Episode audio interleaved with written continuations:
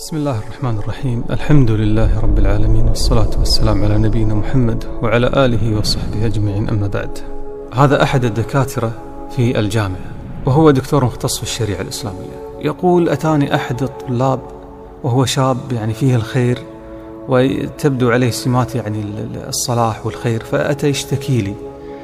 يقول يا دكتور يا شيخ أنا أعاني الجامعة اختلاط وبنات وفتن وأنا أريد ربي وأنا خايف على نفسي. أنا أعاني يا شيخ. أرجوك دلني ماذا أفعل؟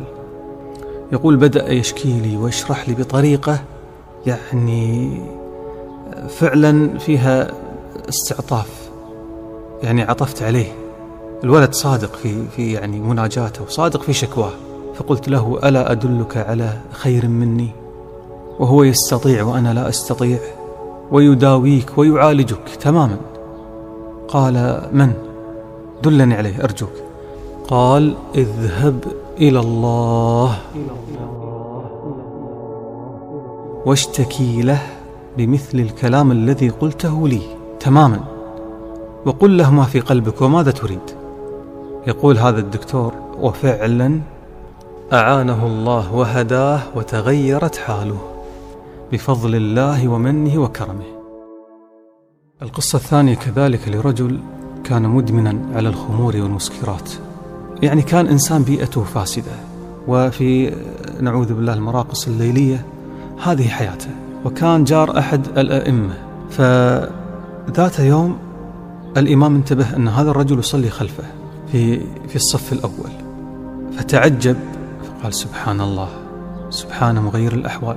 يقول فإذا الرجل مستمر أيام وهو يحضر ويحافظ على الصلاة يقول فسلمت عليه بعد الصلاة ودار بيني وبينه حوار ثم قلت له ما شاء الله أنت تغيرت يعني ما هي قصتك؟ ما الذي حصل لك؟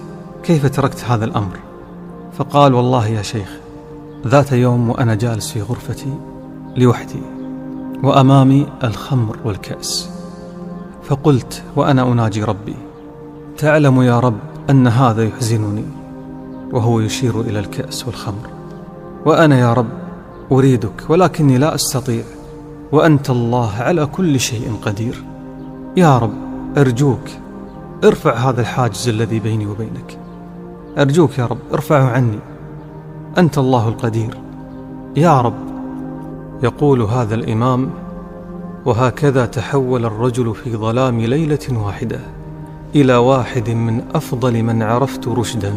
والتزاما وحبا لله وبغضا للمنكرات.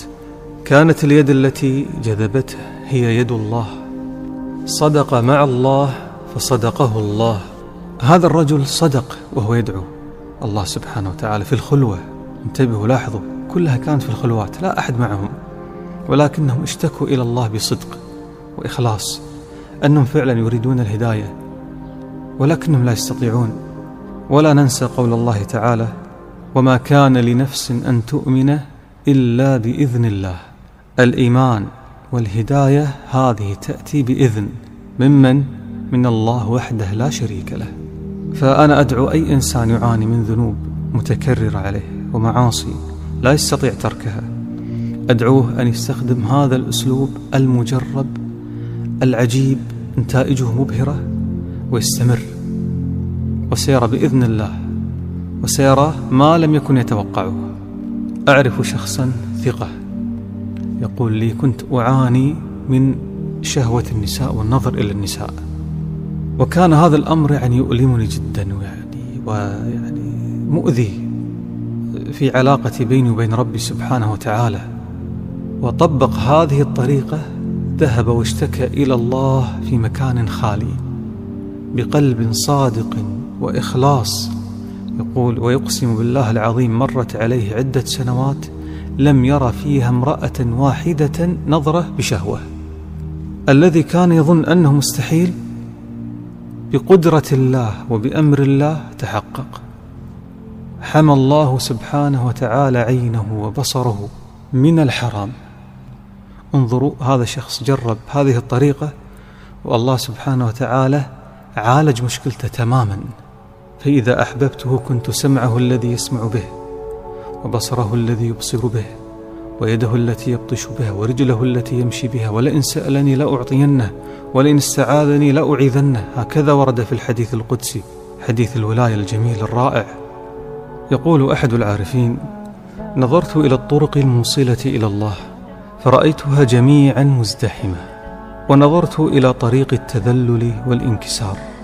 فإذا هو فارغ لا ازدحام عليه. إذا أتتك فرصة اذهب إلى البحر لوحدك واجثو على ركبتيك عند الشاطئ ومد يدك للملك الأعظم الله جل جلاله واشتكي حالك وتذلل وضع خدك على الأرض وافتقر إلى الله ومد يد الفقر. وارجو من الملك العزيز الوهاب كلما حققت العبودية والتذلل للملك الأعظم الله جل جلاله كلما أتتك الرفعة والعز وأتتك الهداية والنور ولا توجد عطية أعظم من عطية الهداية والشعور بالقرب الإلهي منك والحب الإلهي لك وهي تعتبر فردوس الدنيا. أنت دخلت الفردوس قبل الفردوس كما قال العارفون والصالحون إن في الدنيا جنة من لم يدخلها لم يدخل جنة الآخرة. ويا ما قصص سمعتها ورأيتها فعلا هؤلاء الناس يا إخواني يريدون يريدون فعلا الهداية. هناك أناس صادقين في طلب الهداية.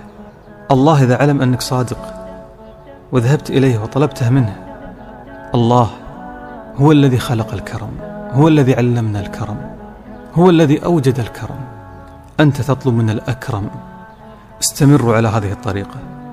اقتنصوا الفرص بالخلوات مع الله سبحانه وتعالى. على بحر أو في بر أو تحت شجرة أو فوق جبل أو في زاوية من زوايا بيتك لا يراك فيها أحد. استخدموا أسلوب التوسل والتذلل والافتقار. كررها مرة ومرتين وثلاث وأربع وخمس. في الشهر أربع مرات خمس مرات سبع مرات. كرر كل ما أتتك فرصة اذهب إلى ربك واختلي به وناجه سبحانه وتعالى. والله هو أعلم بنا منه. وأرحم بنا من أي أحد أنت تتوقع أنه يقدر يفيدك لنكن أغنياء بالله. لنتعلم أن نقف دائما عند بابه سبحانه. عندك ذنوب معاصي اشتكي عند الله. قول يا رب أنا يا رب ابتليت. أرجوك يا رب أنقذني.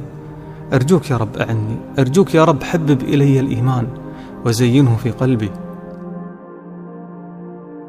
باب الله مفتوح يا أخواني أخواتي باب الله مفتوح.